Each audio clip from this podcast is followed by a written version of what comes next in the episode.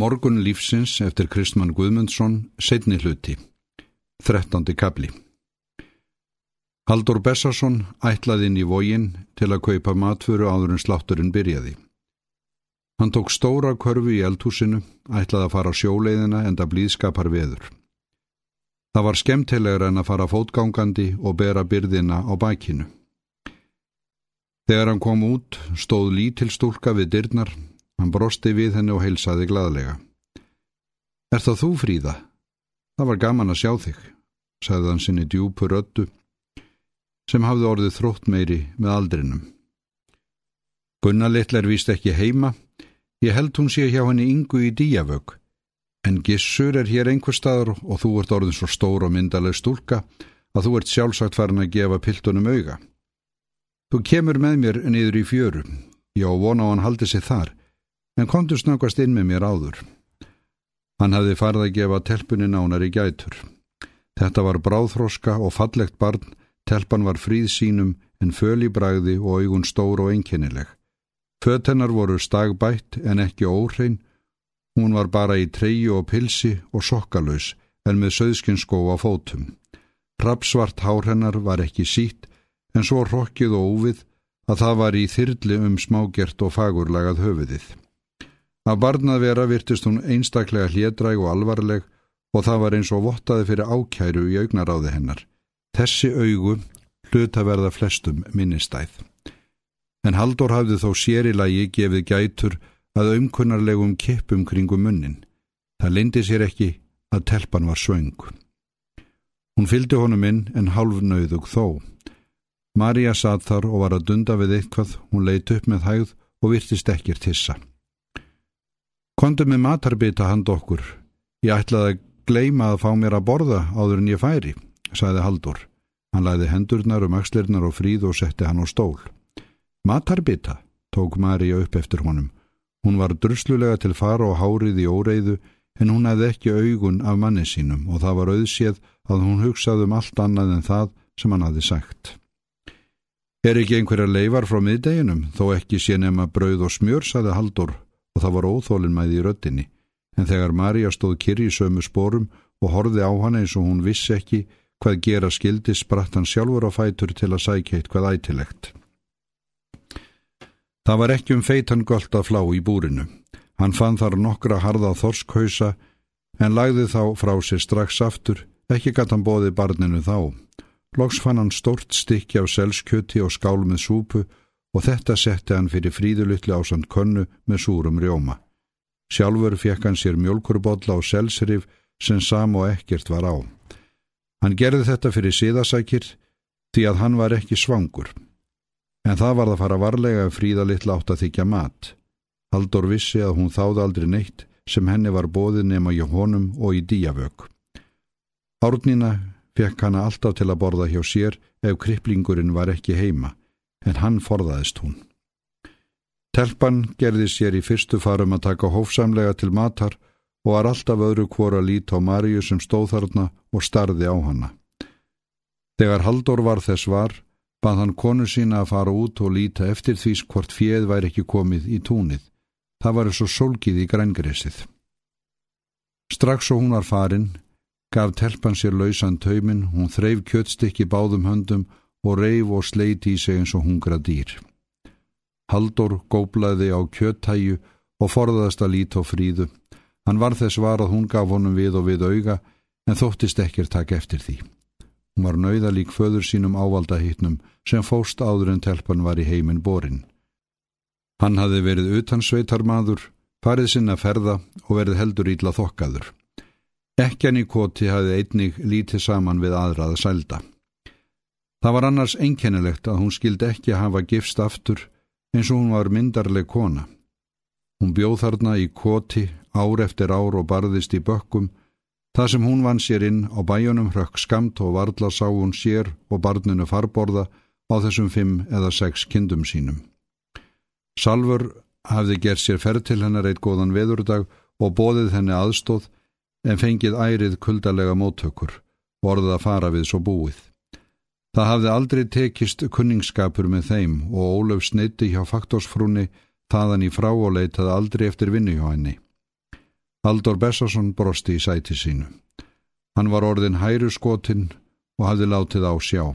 Nefið hafði verið örlítið hafið upp að framann í gamla daga en nú vottaði ekki fyrir slíku lengur. Prukkurnar frá nasavangjunum niður í munvíkin voru djúpar og munnurinn festulegur og eins og hertur saman. Varirnar hafðu mist sinn fyrir ljóma og allt var andlitið orðu hörkulegra en áður fyrr.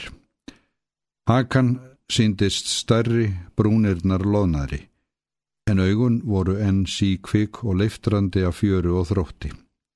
Strit margra ára hafði beitt hann í baki, en þó var hann vörpulegur og aðsópsmikill og enginn kerði sig um að tróða við hann illsækir, nema ein manneskja. Og við hana gata hann ekki neitt absmunar. Fríðalitla rendi niður síðasta kjötbitanum og sleikti svo af fingrunum. Síðan greip hún skálina og setti hana á munn sér. Haldur heyrði að hún svolgraði súpuna. Barnið hlaut að hafa verið banhungrað. Það gaf vist að skilja hvernig ólöfuliði sjálfri fyrst telpan væri svona á sig komin. Loksins var telpan búin að borða. Haldur snýri sér þá að þinn og brosti. Ég hefði nú átt að hafa kaffi handa gestinum, en þú verður að fá þér rjómasopa í staðin, sagði hann og fríða hlíti.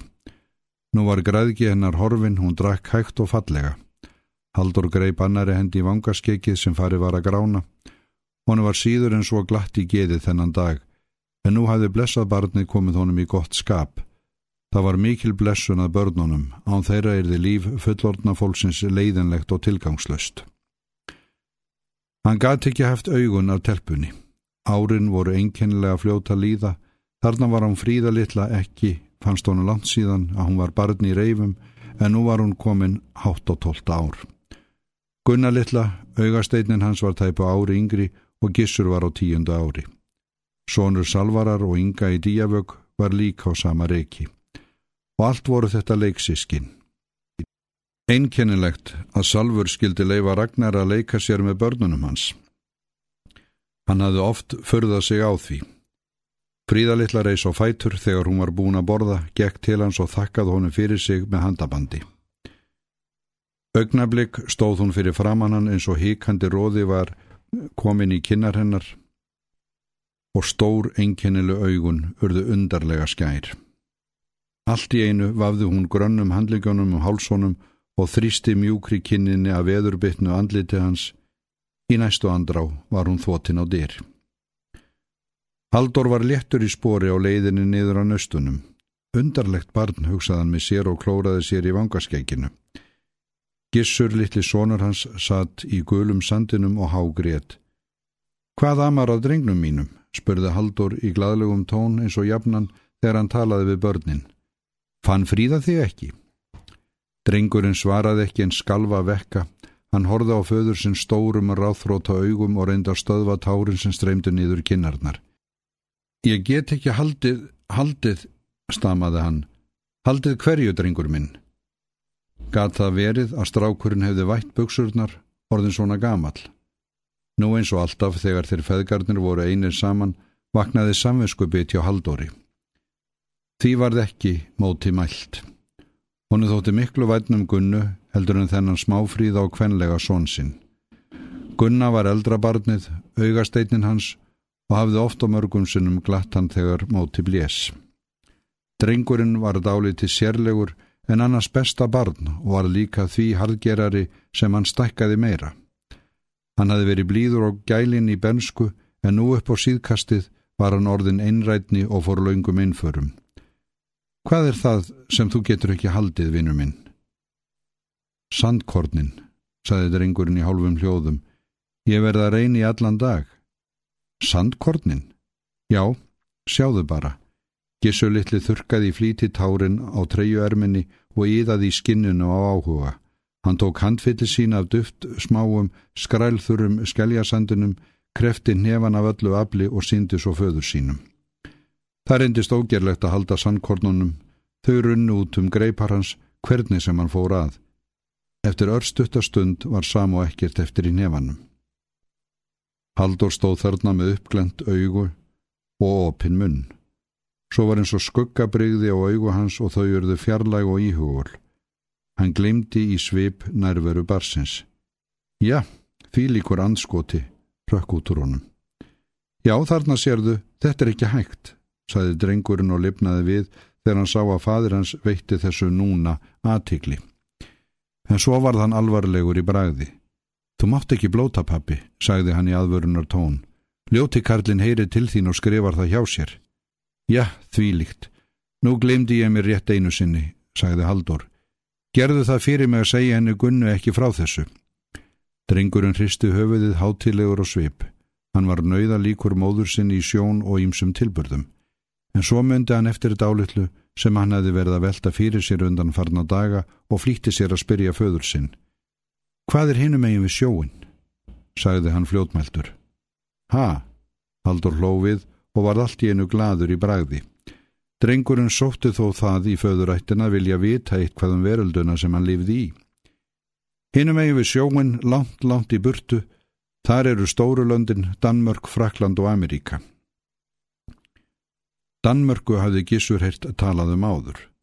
Þar var Ragnarfættur og hann hafði sagt þaðan margt og mikið eftir föður sínum, þar voru fjall á hús og sum byrkitrén náðu næstum því upp í skíin. Þar ótti kongurinn heima og hann var mestur allra næst guði. Hvernig er í Fraklandi? Haugu drengsins báru blæ af draumi hans. Þar er nú gott að vera, skaltu vita. Þar vaksa rúsinir og kandismólar á lingjunu í staðin fyrir bláberin og krækiberin hjá okkur. Haldur fór að setja fram bátskilina sem stóð uppi við nöstvegin. Kanski að drengurinn væri strax farin að hugsa um að sigla út í heim. Móðurbróður hans, hálfstálpaður unglingur, hafði strókið út í franska skútu fyrir árið síðan og farið með henni svo ekkir til hans spurst. Það hefði verið djarfur og þrekmikill piltur. Haldur myndi eftir honu sem smánhokka frá því um veturinn þegar þeir hleyftu á land hjá hraunni. Ertu kannski að hugsa um að fara til Fraklands, spurði hann og virti drengin fyrir sér. Er ekki Ameríka stærri? Það er sagt svo. Þá ætla ég heldur að fara til Ameríku og finna kongin þar, saði Gissur litli ákveðin. En ég þarf vist að verða ríkur áður, bætti hann spyrjandi við. Og nei, segðu bara þú sitt sonur hans Halldórs Bessasonari á Katanesi, þá tekur kongurinn í Ameríku sjálfsagt vel á móti þér. Halldór hló ungæðislega. Hann brá sér inn í sjóbúðuna og kom út aftur með gamla bissu. Best að hafa hólkin með sér. Hver veit nema hann gæti kála fuggli í kvöldmattin. Þegar Haldur lendi í vóginum byðu þrjú börn eftir honum í fjörunni og kölluðu hvert í kapp við annað. Þau báðum að fá bátinn lánaðan. Hæst hafði Gunna dóttir hans, ljósarður telpunhokki sem baðaði út höndunum. Hún var há eftir aldri og vel vaksinn andliti bjart og geislandi af fjöri og augun dögvuð brosi.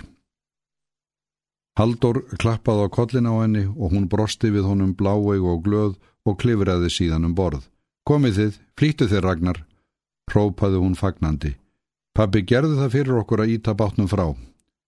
Ragnar Samuelsen bar sig aðeins og herra og hjálpaði Ingu Jónsdóttur upp í bátinn. Dótturinn í díavög var hraust og tápmikil telpa, ekki sérstaklega fríð sínum en há, grönn og vel vaksinn. Það skein í kvítar og jafnar tennur hennar millir blómlegra dimröðra varana. Hún var blökk á hörund og grábrún, hildjúb augu hennar fálátt. Hún var fámál, varð aldrei frá sér numinn af gleði, en blátt áfram á dáli til kuldaleg. Hún var engum öðrum lík, bar ekki einu sinni svip af föður sínum að heitið gat. Sónur Salvarar var stór og myndarlegur piltur, örlítið dramsamur og kvenlegur í framkomu, en annars gott og gerðarlegt barn. Hann var nauðalíkur móður sinni í sjón, en ör í lund og fjöllindur. Farið ekki of langt út á vógin krakkar skipaði haldur um leið á nýtti bátnum frá landi. Ég verð engastund.